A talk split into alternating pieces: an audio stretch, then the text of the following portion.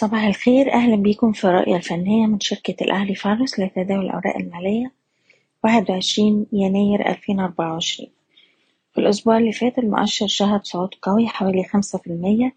قدرنا نخترق مستوى المقاومة الخمسة وعشرين ألف تسعمية خمسة وأربعين وسجلنا مستوى تاريخي جديد عند سبعة وعشرين ألف مية تسعة وستين نقطة. قبل ما نواجه بعض التراجع قفلنا الأسبوع على ستة وعشرين ألف تمنمية اتنين وأربعين نقطة وأحجام تداول الأسبوع اللي فات كانت مرتفعة بشكل ملحوظ. في حالة حدوث أي تراجع عندنا مستوى دعم هام عند ستة وعشرين ألف ميتين وخمسين وده مستوى حماية الأرباح على الأجل القصير. من الناحية التانية تأكيد تجاوز مستوى المقاومة سبعة وعشرين ألف مية تسعة وستين. في الحالة دي بنستهدف مستوى المقاومة التالي عند سبعة وعشرين ألف وخمسمية. على الأجل القصير بننصح بجني أرباح الأسهم وصلت للمستهدفات بتاعتها.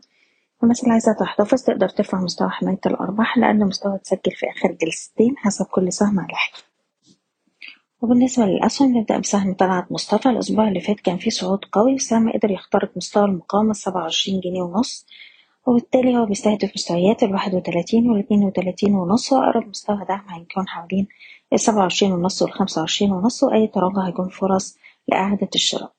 سهم سيدي كرير الأسبوع اللي فات قدر يغلق فوق مستوى المقاومة بتاعه الواحد وتلاتين جنيه ونص وبالتالي هو بيستهدف مستويات الخمسة وتلاتين والستة وتلاتين وأقرب مستويات دعم هتكون حوالين التلاتة وتلاتين والاتنين وتلاتين جنيه.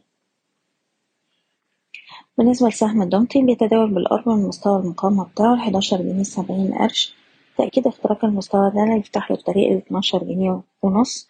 نقدر نحتفظ بالسهم طول ما إحنا محافظين على مستوى الدعم الحداشر جنيه.